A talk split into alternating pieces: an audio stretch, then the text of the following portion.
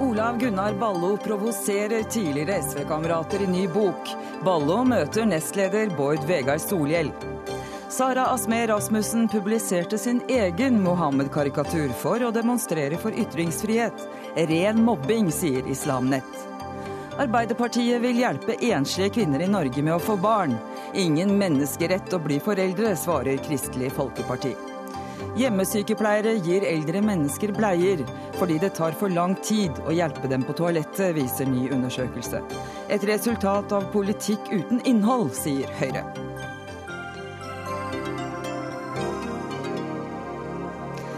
Velkommen til Dagsnytt 18 her i NRK P2 og NRK2. I studio Eva Nordlund.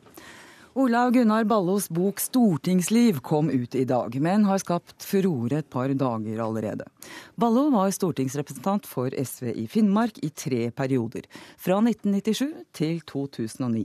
Nå er Ballo fastlege i Alta og har meldt seg ut av SV. Og Olav Gunnar Ballo, hvorfor skrev du boka? Jeg følte jeg hadde en historie å fortelle, og så liker jeg å skrive. Er ikke det en bra forklaring? Jo da, den holder for meg. Ja. Eh, men var det noe annet du ville oppnå? Så ville du også oppnå noe diskusjon, debatt?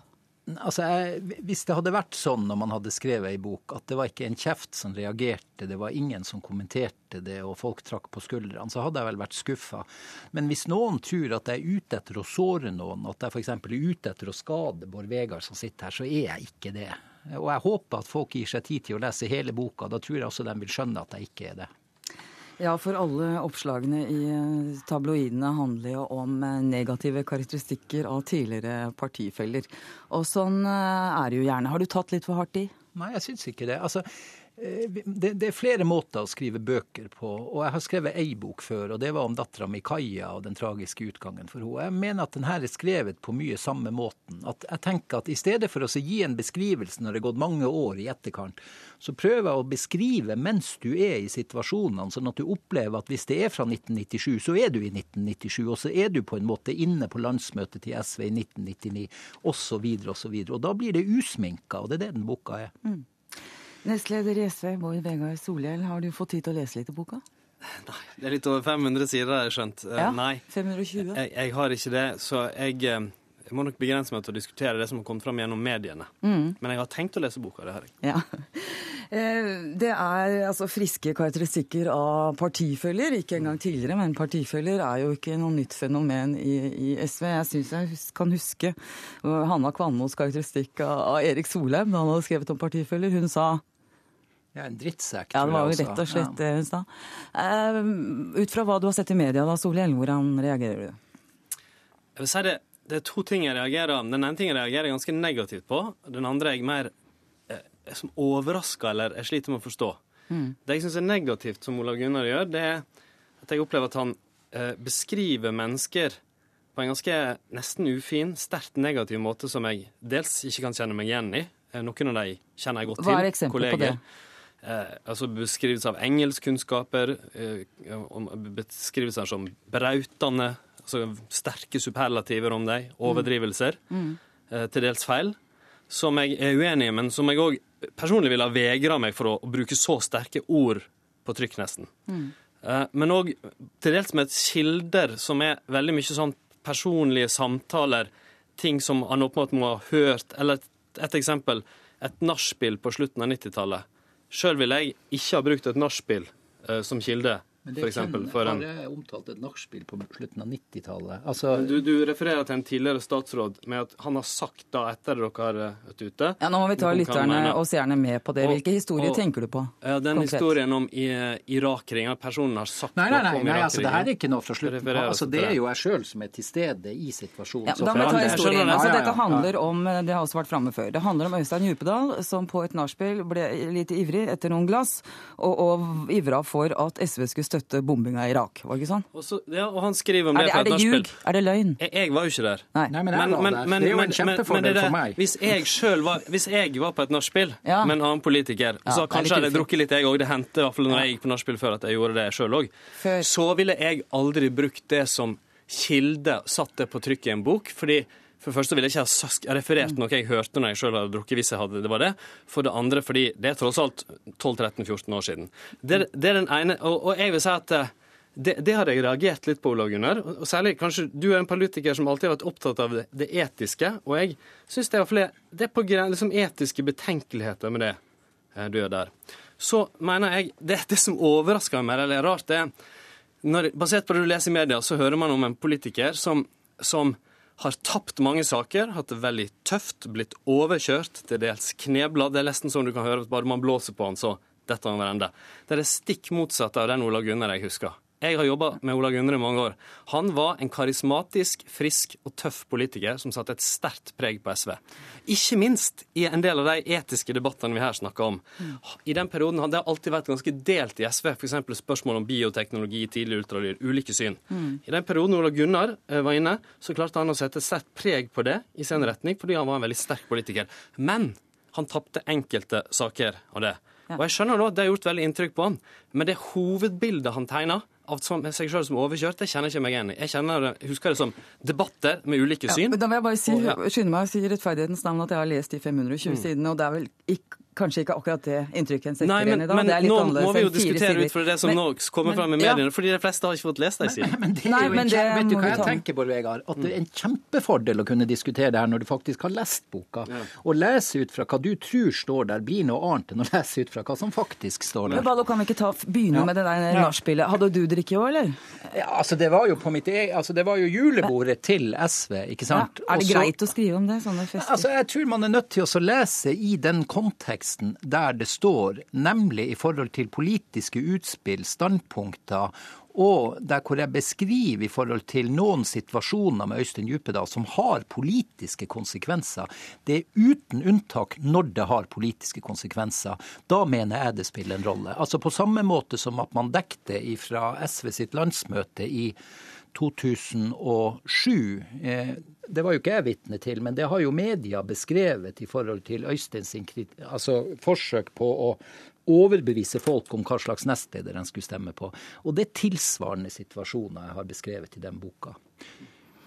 Eh, men eh, hvilke andre alvorlige personkarakteristikker er det du reagerer på, partiet reagerer på?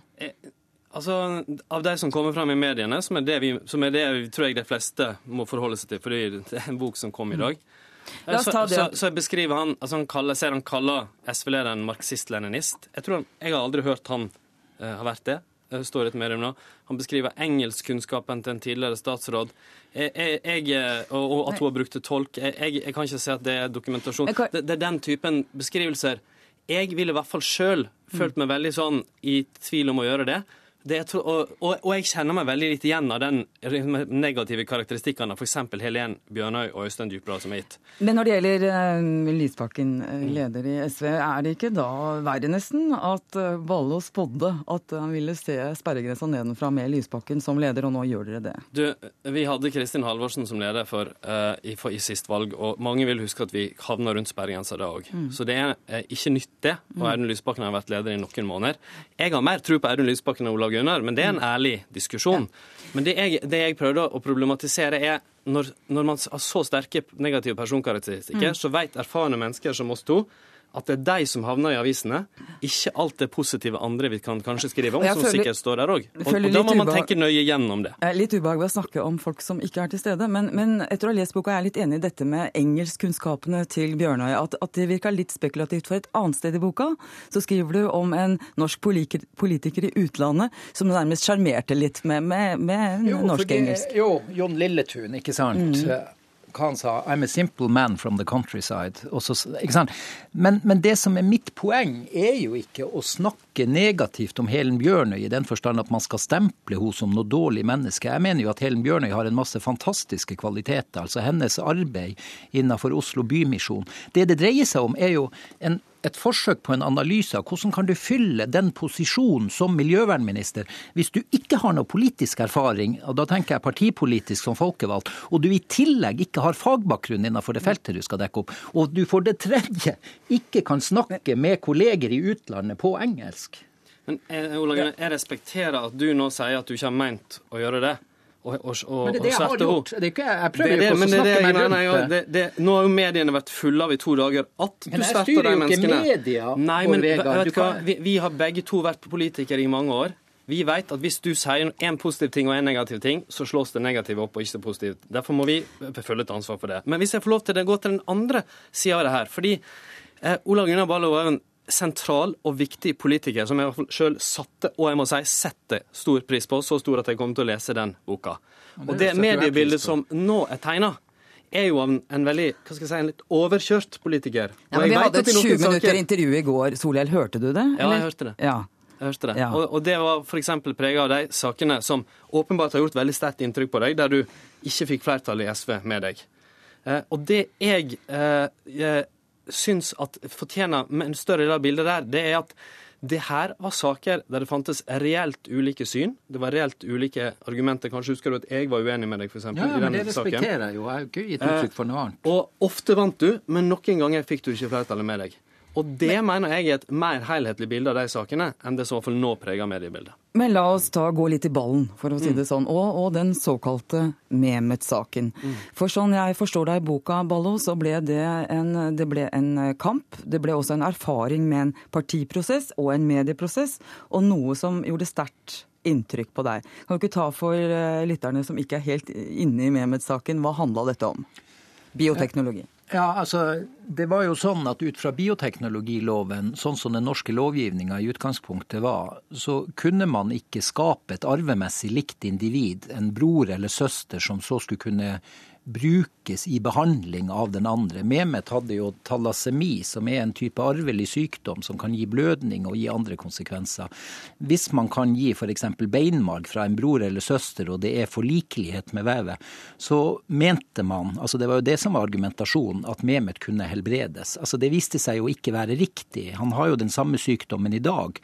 Eh, men det som jeg mente var særdeles betenkelig, var hvis vi gikk inn på et spor i Norge der vi skulle prøve å gjøre barn, søsken, til skal vi si, et mål for andre i stedet for et middel i seg sjøl. Fordi at det kunne ha alvorlige konsekvenser for deres sykdom igjen. Du kan jo risikere å fødes med en sykdom fordi det her blir eksperimentell medisin. Der hadde SV eh, og SV-ledelsen et annet syn, i hvert fall etter hvert. Eh, er det saker rett og slett som er så etisk vanskelig at en stortingsrepresentant må få slippe løs? Og ja. ikke tvinges inn i folden? Eller var det riktig å tvinge Ballo inn i folden den gangen? Det, det, var ulike syn i SV på den saken, som mm. det ofte har vært, senest nå i spørsmålet om tidlig ultralyd. Det har ja. ofte vært ulike syn i SV på de sakene. Den, Men spørsmålet mitt, svar på det. Og er, Min oppfatning er at eh, i en politisk parti, hvis man har en grundig og demokratisk prosess, der de ulike personene får fremme sitt syn i den offentlige debatten, noe mm. som ble gjort offentlig den gangen, så må vi respektere at man av og til skal flertallet beslutte hva gruppa skal stemme. Ja, den, han ble jo knebla, så ble han bedt om å ikke delta i debatten. At du som programleder bruker ordet kneble.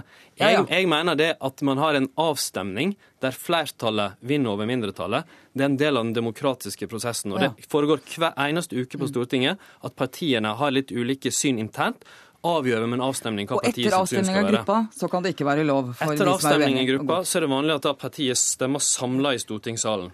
Og Det mener jeg er en god metode men det spesielle her var at vi tillot veldig mange ulike syn. At det var en offentlig debatt mm. rundt det i tillegg. Ja. Så, så, kan jeg få si at jeg skjønner at det har gjort veldig sterkt inntrykk på Ola Gunnar. Det, det, uten at jeg har lest kapitlet, har jeg til og med skjønt ja, det nå. Det tror jeg er en stor fordel at du gjør, Bård Vegar. Ja, men jeg, da må dere invitere meg når, etter at boka har kommet ut. Jo, men altså, Du angriper meg jo ut fra nei, ting du ikke har lest. Nei, nei, nei, jeg prøver å beskrive hvordan vi mer helhetlig kan se det her. Da må vi sette strek så langt, men vi skal ikke sette helt strek for boka og diskusjonen rundt den, og dere kan bare bli sittende. Vi skal til journalist og forfatter Frank Rossavik. Du har skrevet bok om SV og SVs historie. Det er eh, veldig sterke reaksjoner rundt eh, boka til Ballo, sjøl om et fåtall har lest den. Og etter et intervju i går så, så var det sterke reaksjoner fra kilder nær SVs eh, ledelse, som uttrykte i klare ordelag kategoriseringer av Ballo som ikke var helt helt i tråd med, med respekt. Hva er det som provoserer SV-ere så kraftig med Ballo? Ja, altså for det første, som, som, du selv påpekte, så er det ikke noe nytt at man kommer med sterke personkarakteristikker i uh, bøker om SV. Erik Solheim har gjort det samme tidligere, i 1999 f.eks. Uh, det, det Ballo uh, sier, er, er etter min vurdering ikke noe sånn ekstremt sterkt til, til denne sjangeren å være. Men det er klart at at han provoserer fordi han har vært en løs kanon i partiet lenge. Han har vært involvert i, i konflikter. Eh, og nå er han for lengst over, til, over i Arbeiderpartiet. Og, og, alle disse tingene til sammen gjør det litt smertelig for SV-erne å se at han skal fortsette å uttale seg om SV. Så Sett fra SV-eres synspunkt så er det ikke så vanskelig at, å, å, forstå at det blir reaksjoner. Det blir kanskje vondere, for å si det sånn, for SV når de altså er under sperregrensa på målinger om dagen? Ja, men nå skal vi ikke glemme at SV var under sperregrensen også på slutten av Kristin Halvorsens tid. Eh, da var det også målinger nede på tretallet, så, så alt dette er ikke Audun Lysbakkens skyld, som jeg har inntrykk av at eh, Ola Gunnar Ballo eh, antyder. Eh, men det som er problemet, er at Audun Lysbakken har ikke klart å snu utviklingen, og der har han jo en stor jobb foran seg. Kommentator i Dagbladet, Jon Olav Egeland. Er omkamp om tapte slag eller et nyttig innblikk i indre partiliv og stortingsliv, eller en mellomting? Hva tror du om boka til Ballo? Det tror jeg vi må ha hele tiden. Mm. Vi har altfor mange bøker som er eh, hygieniske rent politisk. Mm. Som har eh, tatt ut ting som handler om hva som kan gi en selv eller andre et dårlig ettermæle. Mm. Så det er vel mer redigeringen av disse bøkene enn ensom hånd. At man kammer ut det vanskelig, som er hovedproblemet i disse, i disse bøkene. Jeg har ikke fått lest hele boka til Ballo, men, men en, en, god del av den. Og jeg syns den er interessant og lesverdig. Godt skrevet der nå, faktisk. Eh, slik at eh, Det er en type memoarlitteratur vi vi må ha med oss. Man kan godt diskutere noen av grepene hans. Eh, selv er jeg blitt skjelt ut av sørpe fulle statsråder sent på natten. Og det har aldri falt meg inn at jeg skulle bringe det videre på, på, trykk eller noe annet sted. Det er ikke alltid jeg har vært så god selv heller, for å si det sånn. Sånn at det gjelder å ha litt raushet i sånne situasjoner, men, men, generelt så tror jeg det er bra at vi får vite mer om hva som foregår der mediene ikke slipper til. Mm. For det er jo tross alt bare en liten brøkdel av hva som foregår i det politiske liv vi klarer å fange opp. Hva er det som gjør boka interessant? som du ser? Altså, Ballo er jo på en måte en sektorpolitiker. Han er en finnmarkspolitiker, og han er sosialpolitiker. Eh, men han også, eh, representerer også et fenomen i partiene som, eh, som, alltid er problematisk. Nemlig en mann med stor integritet, sterk vilje, åpenbart sta. Han er ingen pusling, som du var inne på, i, i denne boka i det hele tatt. Han fremstår som sterk. Eh, men dette utfordrer helt klart det som heter partidisiplinen. Mm. Et parti er jo på en måte ikke en, en, slags løs samling av eh, frie viljer. Den må jo også være en, eh, en organisasjon som, som, på en måte velgerne kan stole på bringer noe politikk videre. Mm. Og så er det da i balansen mellom å bruke denne type mennesker, som ofte har gode kontakter, som, som, som har mye kunnskap, og få det inn og lage dynamikk og politikk ut av det. Mm. Det er jo på en måte uh, tingene. Og det har altså skåret seg her. Vi var inne på denne Mehmet-saken, og som jeg spurte Solhjell, er det saker hvor det er mer åpenbart at det, må være lov å, å, vike litt fra partilinja, hvis en, særlig etisk vanskelige saker? Altså Dette har jo SV en veldig smertefull historie på. Eh, hvis vi går tilbake til abortloven og, eh, og, eh, og de problemene man fikk med, med, en av stortingsrepresentantene den gangen, som vel i hvert fall utsatte iverksettelsen av, en, av, av fri abort i Norge. Og da snakker vi om? Eh, da snakker vi om Otto Hauglin. snakker vi om da. Eh, og særlig eh, altså i Mehmet-saken og en del andre saker så toucher jo Ballo innpå eh, en del kjernesaker for kvinnebevegelsen i SV. Mm. Og det er et meget brennbart område. Da, da brenner man fingra fortere enn en svint. Ja, Det blir vel ikke helt til å si at pappaperm er pyton når barna ikke, du ikke kan snakke med barna? Nei, det er jo også, det er jo også, det er jo, det er jo også de tingene som gjør, og, og, og, der tror jeg du hadde også et sentralt poeng at at dette svir ekstra. Dette er saltsyre i såret i øyeblikket. For SV har bare ett program fram til 9.9. neste år, og det er å overleve. Er du enig i disse betraktningene, Frank Rosavik? Ja, eh, Jon Olav Egeland er en intelligent mann og har eh, mye fornuftig for seg, så jeg kan slutte meg stort sett til det han eh, sier. Ja, hva, hva tror du, kan, kan det komme noe nyttig for SV ut av boka til Ballo? Har du lest den, forresten? Nei, jeg har bare skumma litt igjen. Jeg har hatt ja. PDF-en liggende. Nei, altså, jeg tror ikke eh, Jeg tror verken problemet eller løsningen for SV heter Olav Gunnar Ballo. Problemet er et helt annet, nemlig en en langvarig nedadgående trend som det skal bli veldig tungt å, tungt å bryte. Mm. Eh, vanskelig å finne en mening med livet for et parti som, som heter Sosialistisk Venstreparti i, en, i, et samfunn som vårt. Eh, og spesielt når den politiske eh, avstanden til Arbeiderpartiet i praktisk politikk er blitt så liten. Det er det det handler om for, eh, for SV. og Og jeg tror jeg vet hva som, hva, hvilket håp partiet har, men det skal mye til for at, for at partiet SV kommer over sperregrensen neste år. Balle kommer i boka flere ganger tilbake til at et, på, i forskjellige formuleringer at et parti som snur kappa for mye etter vinden, vil miste oppslutning. Er det noe i den analysen? Eh, ja, altså SV har jo hele tiden dette indre spennet mellom de rene og ranke og de eh, veldig pragmatiske. De som eh, gjerne vil finne et nytt samfunn, en utgave av sosialismen på norsk jord. Mm. Og de som er svært ivrige etter å samarbeide med Arbeiderpartiet og få posisjoner. Og, denne motsetningen preger partiet. Og, den kan føre til at man noen ganger snur kappen den ene veien og noen ganger den andre, avhengig av hvem som hvem som får gjennomslag. Solhjell, du skal få lov til å kommentere kommentatorene. Vi ba med ordet. Takk. Nei, eh, altså Jeg tror at kombinasjonen av miljøengasjement og rettferdighetssans er noe som kommer til å ha gode vilkår i norsk politikk framover. Som det nå er mange moderne rød-grønne partier i andre steder i Nord-Europa som gjør det bra. Eh, men at SV har en utfordring, definitivt så vil jeg si at jeg gleder meg faktisk litt til å lese selve boka til Ola Gunnar. Mm. Og en av de tingene jeg sjøl har hatt litt glede av tross alt, er hans beskrivelse av nettopp pappaperm. For det er litt sånn jeg kjente han på sitt beste. Mm. Herlig politisk ukorrekt og litt overraskende. Og det tror jeg vi, da, etter det jeg har hørt av kommentarene, jeg finner mer av i boka. Og han backa deg som lederkandidat i partiet, da? Det er jo selvsagt veldig positivt trekk. det er det fine i boka. Det, det, det skal han definitivt ha. Men, men jeg, ja eh, Basert på det Nei, nei. Basert på det som har stått i mediene de siste dagene, så syns jeg likevel det var riktig å ta opp at jeg har reagert på de to dimensjonene jeg nevnte. Ja. Da setter vi strek der, og så får vi komme tilbake til hvordan SV skal komme seg over sperregrensa ved valget. Takk skal dere ha.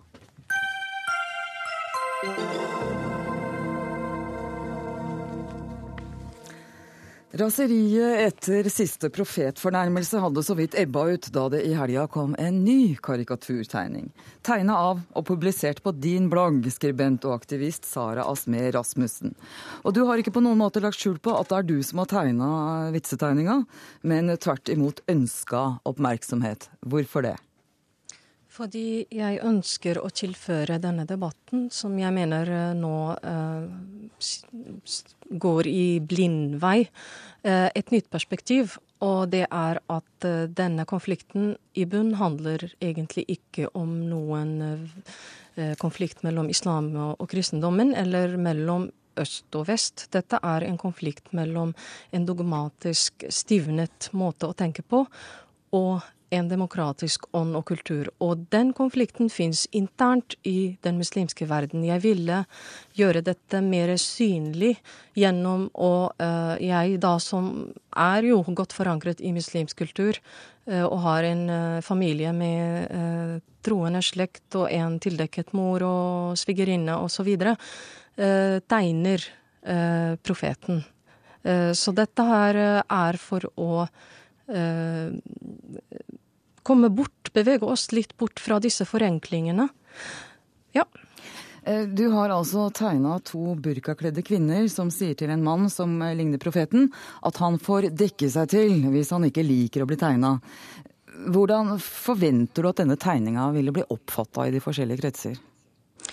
Uh, en tegning Det er nettopp det som er så spennende med karikatur som kunst form. Eh, det er veldig mange måter å tolke en tegning på. Det har veldig mye å gjøre med tolkerens perspektiv, erfaringer og ståsted. Uh, og kunnskaper, ikke minst. Så det fins ikke en, en, måte å tolke den tegningen på. Jeg personlig har kommet frem til tre forskjellige måter å tolke det på, men jeg foretrekker den feministiske tolkningen av det. Uh, ja, men ja. det fins faktisk mange måter å se dette her på. Hvordan jeg tror det kommer til å bli mottatt, det, det blir veldig forskjellig. Det kommer til å skape uh, raseri, og det kommer til å skape begeistring, tror jeg. Ja, raseri kunne være et stikkord, for vi husker jo flaggbrenning, ambassaderamponering og endog drap. Har du tenkt grundig gjennom konsekvensene? Ja, det har jeg. Jeg gjør aldri noe uten å tenke gjennom konsekvensene, for både for min person og andre. Og jeg har vært i hardt vær før, og jeg har mottatt drapstrusler og hatmail og måttet leve med ubehag i perioder. Mm. Og er forberedt på, på noe lignende. Jeg, jeg, tåler dette, og jeg tar konsekvensene for denne handlingen for min egen person. Men jeg håper inderlig at uh, dette blir forstått i sin riktige kontekst, og at det fører til uh, ikke til eskalering av konflikten. Tvert imot, jeg håper at dette vil kunne dempe konfliktnivået. Fad Kereshi fra Islamnett, ser du at dette kan dempe konfliktnivået på noe vis? Dette demper ikke konfliktnivået på noen som helst mulig måte, fordi dette er ren mobbing av muslimer, og hun vet det godt. Hvorfor er det det? Fordi muslimer føler seg mobbet når deres profet karikeres som en terrorist eller et svin eller pedofil eller alle disse negative måtene de har valgt å karikere profeten fred være med ham på. Det har jo ikke Asmer Rasmussen gjort, da. Hun har fortsatt karikert han fred være med ham på en veldig stygg og nedverdigende måte, en frekk måte. Og det vil oppfattes som mobbing av muslimer. Og eh, vi har sett reaksjoner verden over. Og det som er trist, er at eh, Ras eh, Rassemussen forsøker også å fremstå som, hun, som om hun er offeret, men faktum er at det er hun som er bøllen, det er hun som er den som starter problemene. Og etterpå så vil hun si ja, men se på der, se hvor voldelige muslimer er, se hva muslimer gjør for noe. Men det faktum er at det er hun som fremprovoserer disse voldelige tingene som skjer rundt omkring i verden, selv om disse ikke kan forsvares på noen som helst mulig måte. Men det som er viktig, er at eh, Rasmussen vet hva som så er konsekvensene. Så blir det vold i kjølvannet av denne tegningen, så er det Sara Asmer Rasmussens feil? Jeg håper inderlig at det ikke blir noe ja, vold. Er det det? Det er eh, selvfølgelig hennes feil, fordi det er hun som tenner bålet og så kaster bensin på bålet, med tanke på at vi vet hva som er konsekvensene av Vi har sett verden rundt at folk reagerer med sinne, selv om det ikke er riktig å reagere med sinne. Men jeg sammenligner det med et eh, barn som blir mobbet eh, helt til eh, det klikker for barnet, og så reagerer det ut av sinne og skriker ut. Det er ikke riktig at barnet skriker ut og oppfører seg på en dårlig måte, men når det blir mobbet gjentatte ganger av slike bøller som Rasmussen og andre som holder på slik, så er det det som blir resultatet. Og når man vet resultatet, og de fortsetter å gjøre det, da Sara Smer Rasmussen, mobbing, bølle, du må ta konsekvensen. Det er din skyld hvis det blir vold i kjølvannet av dette. Hva sier du? Jeg, eh, jeg har jo gjort dette her eh, nettopp fordi jeg vet at disse argumentene, disse forenklingene, eh, eh, finnes, og at eh, menn som eh, Qureshi påvirker unge muslimer til å bli faktisk dårlige borgere og dårlige mennesker. Og Derfor så prøver jeg å komme med en med et innspill hvor disse forenklingene blir rett og slett så urimelige at det er meningsløst å forsvare seg mot dem. Eh, det, det fins forskjell mellom å mobbe mennesker og det å kritisere et idésystem eller en religion. Eh, når jeg tegner profeten Jeg, jeg syns ikke at jeg har tegnet ham på en stygg måte, faktisk. Jeg, han ser veldig OK ut. Eh, jeg har tegnet profeten ikke for å mobbe noen, og ikke faktisk eh, Nei. Det handler eh, om en religiøs skikkelse. Mm. Eh, en, et religiøst symbol. Og det må være lov å karikere, og det må være lov eh, å avbilde og tegne. Og sånne eh, forenklinger at eh, Det syns jeg er faktisk så helt urimelig. Det går ikke an å si at, nei, at dette her er mobbing. Mm. Man må kunne faktisk skille mellom religionskritikk og mobbing. og det er uansett de som eh, begår overgrep og bruker vold eh, som middel, som er alltid ansvarlig. Det går, ikke, det går ikke å legge ansvaret på noen annen enn de som eh, bruker faktisk vold. Skribe, et øyeblikk, Skribent og leder i Ungdom mot rasisme, Mina Adampour. Hva syns du om denne tegninga til eh, Sara Smer Rasmussen og motivet for den? Jeg eh, tegningen altså, Dette motivet, eller denne, dette man ønsker å vise frem ved å tegne slikt, er noe jeg vil si kitsch. Det er blitt kitsch nå. Det er, jeg finner det smakløst, jeg finner det uoriginalt. Eh, hvem er det som ikke har gjort det? Selv Knut Nærum har gjort det i dag, ikke sant? Eh, men at eh, det er veldig synd at debatten ikke foregår i mer edruelige former enn at eh, Rasmussen anklager Kureshi for å oppfostre nærmest dårlige norske borgere, hvorpå Kureshi også anklager henne for å være den som uh, igangsetter vold i andre deler av verden. Uh, Rasmussen har jo selv brent en hijab, så hun er jo ikke helt ukjent med hva skal man si, den type demonstrasjonsform som man også ser i f.eks. Pakistan eller Iran, hvor jeg kommer ifra. Men å kalle, si at det er i den muslimske verden dette foregår, blir feil. Først og fremst er det ikke noe som heter en muslimsk verden og en ikke-muslimsk verden. Det man må huske på, er at den voldelige reaksjonen, den grad av hat man ser eh, finne sted, har fellesnevner, og den fellesnevneren eh, ser man komme til uttrykk eh, ved at de er fattige. De lever undertrykket av sitt eget eh, regime. Utdannelsesnivået i disse områdene er ikke høyt. Det er lavt, om de i det hele tatt har noen utdannelse. Eh, når eh, Sara velger allikevel å tegne dette, så må hun gjerne tegne flere tegninger. Hun må gjøre det til senebetennelsen tar henne, fordi hun har all rett til å gjøre det. Ytringsfriheten, selv om vi ikke har en absolutt ytringsfrihet noen sted i verden, tillater den type uttrykk. Og en må huske på at vi bor i Norge. Det er noe som har skjedd riktig i denne delen av verden, som vi ønsker å eksportere til andre deler av verden, hvor man ikke har Eh, en rettsstat som beskytter individet, hvor man ikke har de rettighetene som gjør at Kureshi, Asmer Asme Rasmussen og jeg som heter Adam Poor velger å bosette oss i Norge.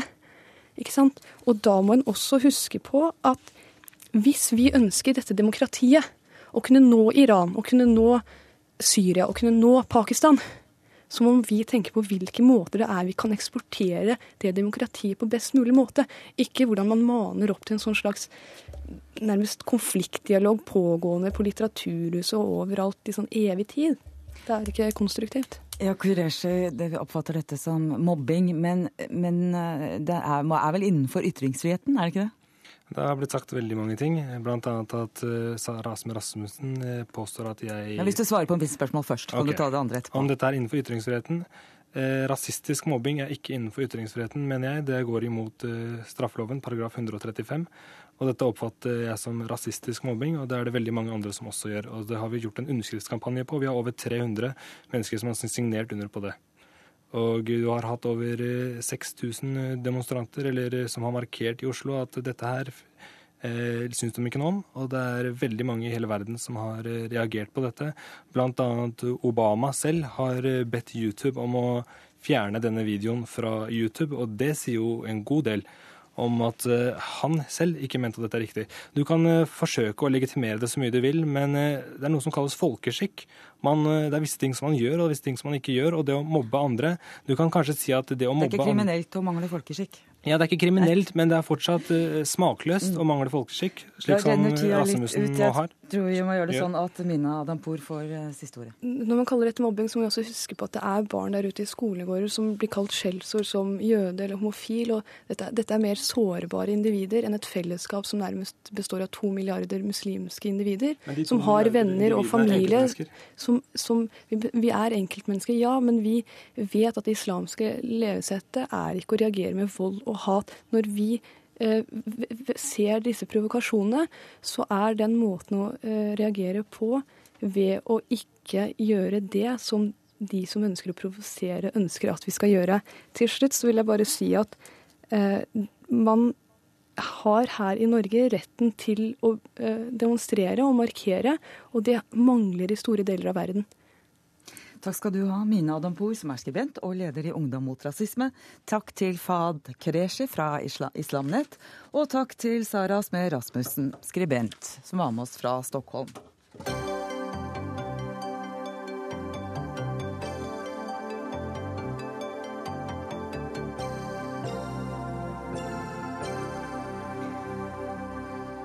To tusen enslige kvinner reiser i år til Danmark for å bli kunstig befrukta. Arbeiderpartiet vil gi kvinner den samme muligheten innenfor landets grenser. Assistert befruktning for enslige og donasjon av befruktede eggceller bør bli tillatt her også, mener regjeringspartiet. og helsepolitisk talsmann i Arbeiderpartiet. Thomas Breen, du er annen nestleder i helse- og sosialkomiteen på Stortinget, er du ikke det? Helse- og omsorgskomiteen. Helse og omsorg heter det nå. Ja. Unnskyld. ja. Hvorfor velger dere i Arbeiderpartiet å gå inn for assistert befruktning for enslige i Norge? Det er to begrunnelser eh, for de endringene vi ønsker. Eh, og Det ene er det misforholdet i regelverket med at eh, par hvor mannen er infertil, eh, kan få sæddonasjon i Norge, mens kvinnen som er infertil, da ikke får noe hjelp. Så vi ønsker å åpne opp for eggdonasjon for å få likhetsprinsippet og likestillingsperspektivet på plass i den sammenhengen. Eh, Det andre argumentet er at eh, man i adop adopsjonsloven eh, har åpna for at eh, enslige kan adoptere barn. Altså man har erkjent at eh, enslige kan være gode nok foreldre eh, for enslige barn. Da bør det også følges opp i forhold til eh, å kunne da gi assistert befruktning for enslige. Men dette syns virkelig ikke du er så veldig mm, lurt, eh, stortingsrepresentant for Kristelig Folkeparti. Du er andre nestleder i familie- og kulturkomiteen, Øyvind Håbrekke. Det stemmer. Hvorfor går Kristelig Folkeparti imot? Jo, Hvis jeg kan bruke et par ord på å sette det i en sammenheng først. Vær så god. Fordi politikerne vi kan jo vedta veldig mye for ungers ve og vel i Norge. Vi, kan vi har helsestasjoner, vi har barnehager, skoler, barnevern, politi. Men uansett så er ungene avhengig av foreldrene, en mamma og en pappa, for eh, uansett å ha foreldre for å ha det godt. Mange barn som ikke har både mamma og pappa. Det er det. Ja. Men du er avhengig av foreldrene dine eller forelderen din for å ha det godt. Og Derfor har vi barnelovgivning, barnelovgivning i Norge som da peker ut foreldreansvaret. En mamma, en pappa sier at har du satt unger til verden som voksen, så har du ansvar. Og det er egentlig to ting nå Arbeiderpartiet gjør som er viktige i forhold til dette. Det ene er jo at mens farskap alltid, vært, farskap alltid kan være litt usikkerhet omkring, så har morsbegrepet bestandig vært entydig. Hvem er mor til barnet? Nå går man fra et entydig morsbegrep til et flertydig hvis vi innfører eggdonasjon, for de får både et fødende mor, altså biologisk mor, og ei genetisk mor. Og det andre det er jo at når man foreslår å da tillate eh, assistert befruktning for enslige kvinner, så sier man i realiteten at ungene trenger ikke pappa. Så det Arbeiderpartiet egentlig gjør, er at man demonterer noe av det som er hjørnesteinene i det som er fellesskap og ansvar oss imellom, oss mennesker imellom. Så dette er ikke bare et etisk spørsmål for spesielt interesserte, men det berører selve hjørnesteinen i fellesskapet og i samfunnet som, i forhold til hvordan vi tar ansvar for de minste i samfunnet. Breen. Ja, så det er legitimt å være uenig med oss, selvfølgelig. og Jeg respekterer jo KrF sitt syn uh, i det spørsmålet her. Men jeg reagerer på når man begynner å trekke inn ansvarsbegrepet i forhold til én eller to foreldre. Uh, det vil jeg ikke være med på, for det syns jeg er en avsporing. Og jeg syns flere generasjoners erfaring uh, og forskning viser at enslige foreldre også duger fullt ut. Eh, og det handler om andre eh, strukturer, om man er en god eller dårlig foreldre eller om man er én eller to. Sånn at eh, vi skal være varsomme med hvordan man ordlegger seg i denne debatten her, for den er veldig følsom. Det andre jeg vil si, er at eh, man, eh, man har jo juridisk ganske tydelig i våre naboland organisert eggdonasjonsspørsmålet i forhold til hvem som er ansvarlig. Og det er den som bærer fram barnet, som har ansvaret for barnets ve og vel. Altså den som eh, får inseminert eh, et egg, eh, plassert et egg inn i livmora og bærer det fram, har ansvaret for barnet. Sånn at for barnets beste, eh, hvis det skal være førende, så er det veldig tydelig slått fast i våre nabolands regelverk når man har åpna for eggdonasjon. Det samme kan vi selvfølgelig gjøre i Eggdonasjon og inseminere, det, er, det, kan være litt vanskelig begrep det òg, kanskje, Ja. denne denne Ja, altså Tradisjonelt i Norge så er det sånn at eh, det er når mannen har vært eh, infertil, altså ikke uh, har gode nok sædceller, så kan man fått sæddonasjon. Eh, altså hjelp til å uh, bli gravid. Ja, mens, mens kvinner har vært avskåret den muligheten fordi at man har skilt på sæddonasjon og eggdonasjon. Det skillet ønsker vi oppheve. Samtidig så vil vi være veldig tydelige på at det er den som bærer fram barnet, som har ansvaret. Og der går også grensa for surrogati. Altså det at eh, noen andre skal bære fram et barn for deg, det vil vi ikke åpne for. Veldig Nei. tydelig på det. Men, Ja. mm.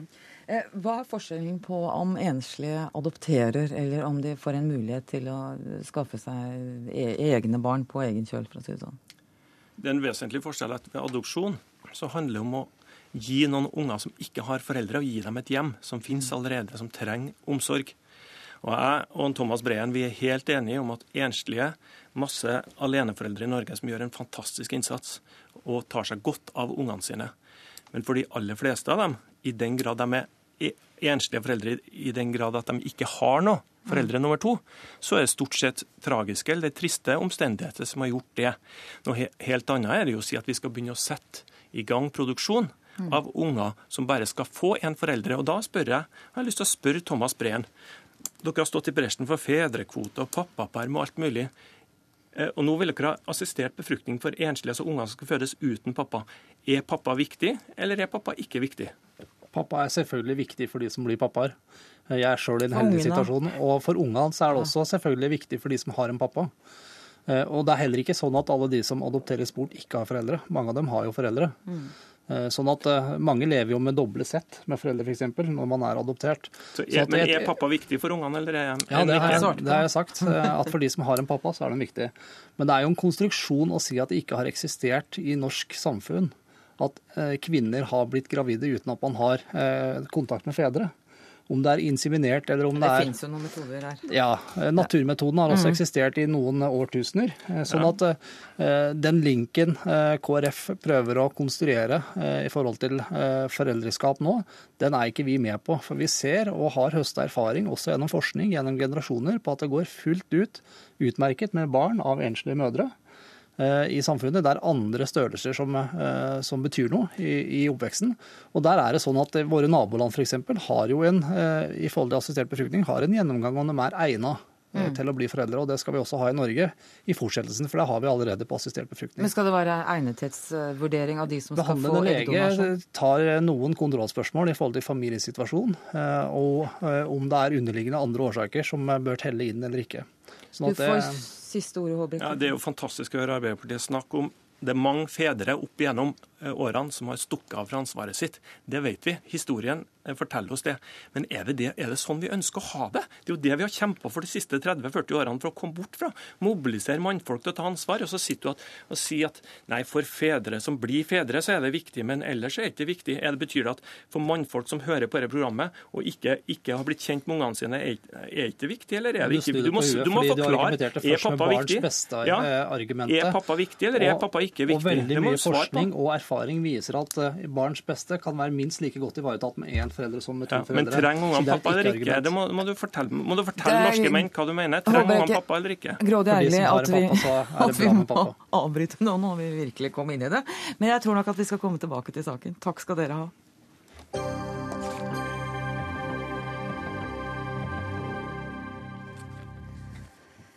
Det er eh, mangel på verdighet i eldreomsorgen. Det mener i hvert fall hjemmesykepleierne. Det viser en undersøkelse gjort av NRK i samarbeid med Fagforbundet. Eldre som ikke har vært utendørs på over et år, bleier i stedet for toalettbesøk. Kun det aller mest nødvendige, og knapt det blir gjort. Slik beskriver pleierne sjøl forholdene for de gamle og syke. Det er 130 000 mennesker som er avhengig av hjemmesykepleie eller hjemmehjelp i Norge. Og stortingsrepresentant for Høyre, Bent Høie, du leder helse- og omsorgskomiteen. Hvordan reagerer du på hjemmesykepleiernes beskrivelse av eldreomsorgen? Nei, Det er en ganske dyster beskrivelse som eh, dessverre eh, sikkert òg mange eh, kjenner seg igjen i.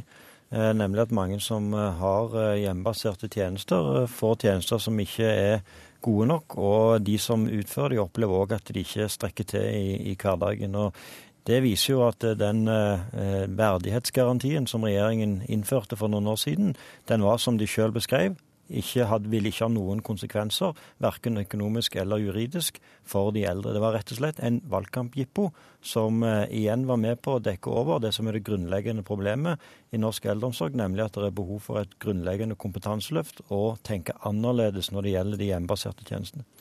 Ja, Statssekretær i Helse- og omsorgsdepartementet, Kjell Erik Øie. Det var vel i 1210 dere kom med verdighetsgarantien. Var den innholdsløs og verdiløs? Nei, tvert imot. Jeg syns den debatten vi har hatt i dag i ulike kanaler viser hvor viktig denne verdighetsgarantien var. Fordi den sier jo faktisk at du har krav på noe mer enn bare å få medisiner. Hva har du krav på? Du har krav bl.a. på å få et, eh, et aktivitetstilbud, du har krav på å få god og næringsrik mat, du har krav på å ha et sosialt liv. Og det er viktig å huske på at vi har en veldig god eldreomsorg i Norge. OECD har kåra Norge som et, et, av de beste landene på omsorg. Men, nok, men Ja. så skal vi samtidig ta på alvor det vi nå hører av ansatte. For vi er ikke i mål. Vi skal fortsette å jobbe for å utvikle den tjenesten enda bedre. Men jeg tror vi gjør hele diskusjonen en bjørntjeneste hvis vi nå tar som utgangspunkt at alt er elendig i norsk eh, eldreomsorg. Nei, men la oss ta de som ikke har vært ute på et eh, år fordi det ikke har vært kapasitet til det, eller som har blitt satt på, på bleie. Ja, Nå har de jo faktisk da muligheten til å klage på dette. Jeg har ingen, ikke noe behov for å forsvare de eksemplene som har kommet frem i løpet av dagen i dag. Så de mul- eldre skal gå nei, klagevei og- Nei, men de pårørende kan vise til denne forskriften f.eks. For Ja, men hvor skal de gå hen da? Da skal de gå til kommunen. Det er kommunen som har ansvar for dette. Det er viktig å holde fast ved. Mm. Og så til, eh, til Høies påstand om at dette handler om kompetanse. Det er jeg helt enig i. Derfor har vi også fått på plass 22 000 nye eh, ansatte i eh, kommunal sektor, omsorgssektor, Mm. de siste åra, hvorav 80 av utdanning. Og vi har et stort kompetanseløft på gang. Så tror ikke jeg at vi kan bevilge oss ut av disse problemene. Det tror jeg er å gå baklengs ut i, eh, inn i fremtida. Mm. Jeg tror vi må også se på hvordan tjenesten er organisert, hvordan vi trekker inn frivillige, pårørende og nærmiljø. Frivillige og pårørende. Eh, Bent Høie, verdighetsgaranti, men eh, kommunene som har ansvaret til sjuende og sist? Ja, Det er kommunen som har ansvaret, men kommunene trenger hjelp for å håndtere dette. og Det har de behov for. At staten er nødt til å bidra mer til å gi de nærmere 40% som jobber i denne sektoren, som er ufaglærte, eh, videreutdanning og, etterutdanning. Fordi eh, det har, eh, behov, her har behov for et helt annet kompetanseløft enn det som, enn det som denne regjeringen har vært villig til å prioritere. Bare så, så er det òg behov for å gi de eldre ikke bare klagerett, men òg bytterett. Eh, Og Det er det som i mange kommuner der Høyre-styret skjer, nemlig at en innfører valgfrihet når det gjelder hjemmetjenestene. Det gjør at de eldre som ikke er fornøyd, faktisk har muligheten til å bytte vekk, og ikke sette seg ned og skrive lange brev som uansett ikke vil føre fram, fordi verdighetsgarantien ikke innebærer noen nye juridiske rettigheter til de eldre. Men både Høie og Øye, jeg har litt trøbbel med å forstå at det skal stå på kompetanse når eldre ikke har fått vært utendørs f.eks. i løpet av et år, eller må eh, påsettes bleie. Det er vel ikke bare det det handler om dette? Nei, det handler om det også, men det handler om ledelse og det handler om hvordan du organiserer tjenesten. Og veldig mange kommuner får jo dette til. Veldig mange kommuner har jo åpna sin Ja, men La oss snakke om de som ikke får det til, Jo, men det er, viktig, nei, men det er, et vi- nei, spesielt for. nei, for. det er viktig at vi også snakker om de som får det til, for det viser at det nytter. Og da må de som ikke får det til, lære av de som får det til. Og vi har altså nå gitt eh, utdanning til 17 000 mennesker i kommunen gjennom Så du mener at det er mangel på, på kunnskap som fører til at folk ikke har vært ute i løpet av et år? Det er begge deler. Men jeg tror først og er fremst det jo skremmende. Det handler om begge deler. Det handler om kunnskap og kompetanse, men det handler også om ledelse og organisering, og hvordan du eh, utøver den tjenesten. Ja. Høie, er det sånn da at eh, dersom Høyre vinner eh, valget neste år, så, så skinner det av eldreomsorgen? Hva vil dere gjøre? Dette vil ikke være sånn at dette er noe som en kan rette opp i på veldig kort tid. Det vil kreve arbeid å gi folk etter- og videreutdanning, men det er òg behov for eh, å organisere tjenesten på en annen måte. F.eks. gjennom å sette inn mye mer ressurser, rehabilitering, eh, når eh, folk blir eldre. Derfor så har jo bl.a. Høyre sammen med de andre opposisjonspartiene foreslått at alle som når en viss alder skal få et hjemmebesøk, sånn at kommunen tidlig kan begynne å forberede i sammen med de eldre eh, unngå fall, eh, planlegge for, for framtiden, og ikke minst sette inn rehabilitering, sånn at en i bedre stand til å bo hjemme og klare seg selv, og gjerne òg finne andre måter å få hjelp til gjennom, f.eks. frivillige til å eh, komme ut, eh, få komme ut på tur. Og ikke minst så er jo eh, det som vi nå ser i disse dager, eh, organisasjonens Livsglede for eldre, et fantastisk eksempel på hvordan frivillige stiller opp og, bidrar til, og ikke bare gir hverdagen enklere for eldre, men òg bidrar til at mange opplever og oppdager at eldreomsorg ikke eh, mørkt og trist, men noe som kan være veldig spennende og kjekt. Der er jeg Bent Høie helt enig. Og jeg tror at selve samhandlingsreformen tar jo nettopp som utgangspunkt at kommunen skal forebygge, prøve å hindre at folk kommer på institusjon. Og det er et tankekors at av de som får hjemmetjenester, eh, så får de ca. fem timer før de havner på sykehjem. Og det er et hav av tiltak imellom de fem timene de får i gjennomsnitt, og det å komme på sykehjem. Og der tror jeg vi har veldig mye å hente. Mye å hente på rehabilitering, mye å hente på at kommunene tar større ansvar for forebygging. Og livsglede er helt for. Ja, det kan vi vel være enige om at vi er for. Eh, Livsgledesertifisering, mener jeg. Ja. Eh, Men eh, du snakker om kommunen kan komme inn i rehabilitering, og kommunen kan komme inn. Men er du også, er du også enig med, med Høie i at frivillige skal sterkere Det er inn? jeg helt enig. Jeg tror fremtidens eldreomsorg kommer til å handle en del om det. Det kommer til å handle om hvilke kommuner som klarer å trekke inn frivillige, ideelle, ideelle organisasjoner. Hvem som klarer å spille på eldre som bor med i kommuner hvor det bare er late folk som ikke vil være med på dugnad? Jeg tror ikke de kommunene finnes. Jeg tror det finnes i ivrige mennesker i alle kommuner. Og så må vi huske på at den eldrebølgen vi har snakka om, som egentlig vi snakker om som negativt, den består også av veldig mange friske eldre, som jeg er helt sikker på også vil gjerne bistå som frivillige. Høie. Ja, og Eldrebølgen er jo et ord som er negativt, men som egentlig er et uttrykk for at, beste uttrykk for at vi har nådd et bedre velferdssamfunn enn det vi hadde før. Men det som eh, jeg reagerer litt på, det er at Øye trekker fram Samhandlingsreformen som noe positivt her. For i Kommune-Norge så oppleves nå Samhandlingsreformen som en enorm ekstrabelastning, der en nettopp har fått nye oppgaver uten nye penger har... Eh, og uten mer tilført kompetanse. Og dermed så går dette faktisk utover de eldre. Det blir vanskeligere du... å komme på et sykehjem, og det er òg eh, sånn at dette presser de andre tjenestene. Sånt er virkeligheten ute i Kommune-Norge, eh, og ikke et det glansbildet som Øye her prøver å fremstille. Dette er helt feil, Bent Høie. Da har du vært lite ute i kommunene. Jeg har vært masse ute i kommunene og, og snakka bare... om samhandling. Og de aller fleste kommunene er positive. Og det er ikke bare Øye heller som sier at samhandlingsreformen er en suksess. Det er bare suksess? Ikke bare suksess, men Nei. det store bildet er at den er en suksess, ja. Er det sant, Høie, sånn du ser det?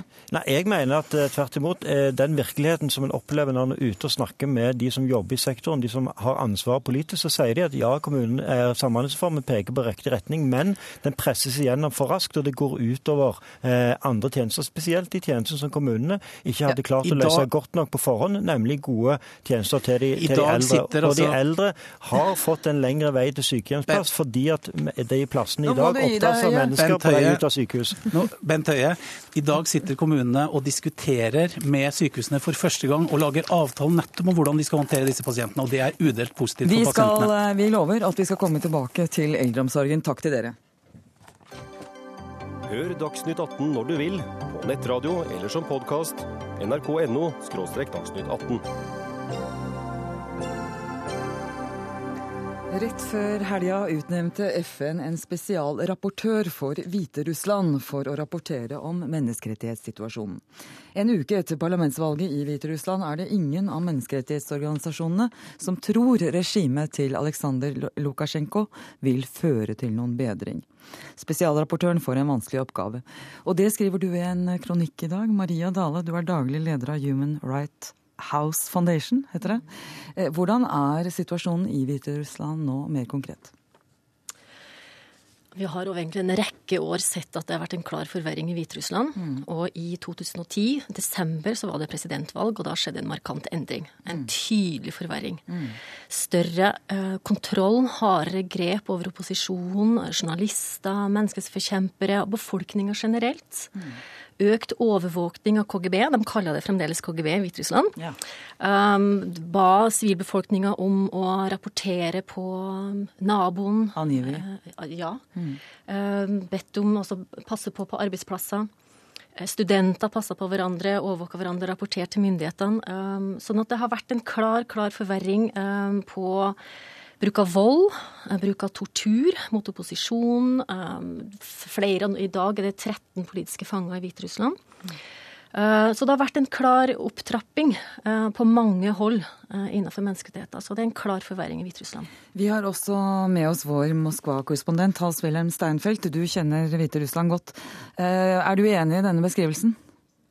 Ja, vi må vel slå fast at når EU har svartelistet eh, toppledelsen i Hviterussland pga. brudd på menneskerettigheter, så eh, gir det naturligvis en klangbunn for dem som kaller president Aleksandr Lukasjenko for Europas siste diktator.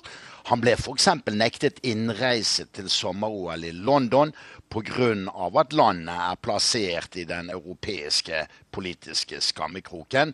Og den uh, kjente presidentutfordreren Sannikov, som ble fengslet etter presidentvalget 19.12.2010, da han ble banket opp av KGB, han søker nå etter frigivelsen medisinsk hjelp i vest etter skaden han ble påført i fengselet.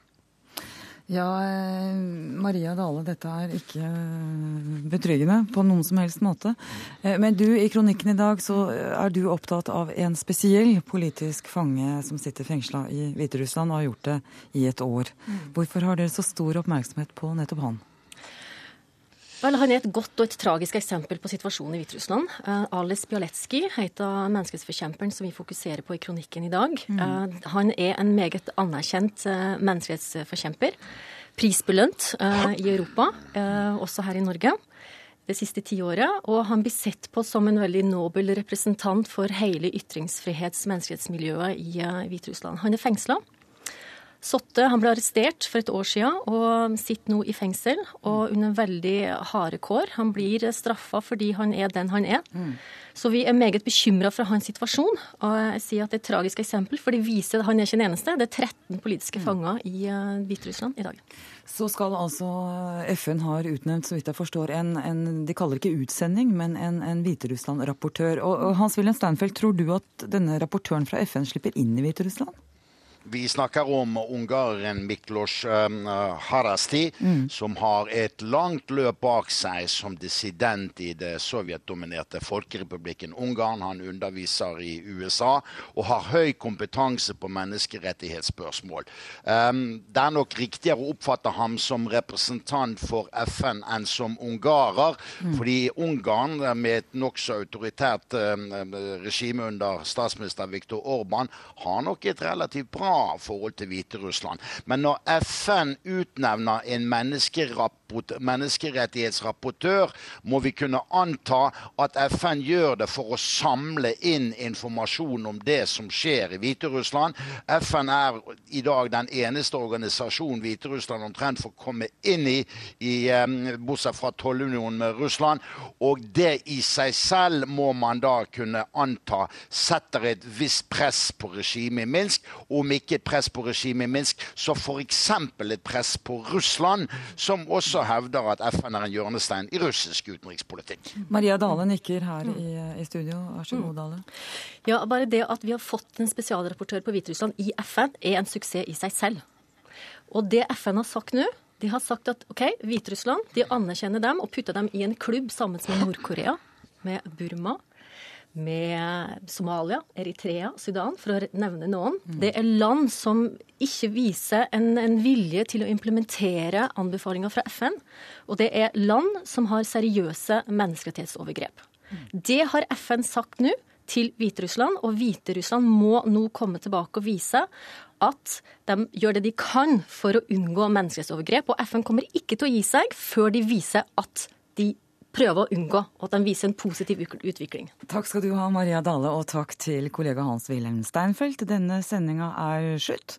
Ansvarlig for sendinga Dag Dørum, teknisk ansvarlig Per Ivar Nordahl, og her i studio Eva Nordlund takker for følget. God kveld!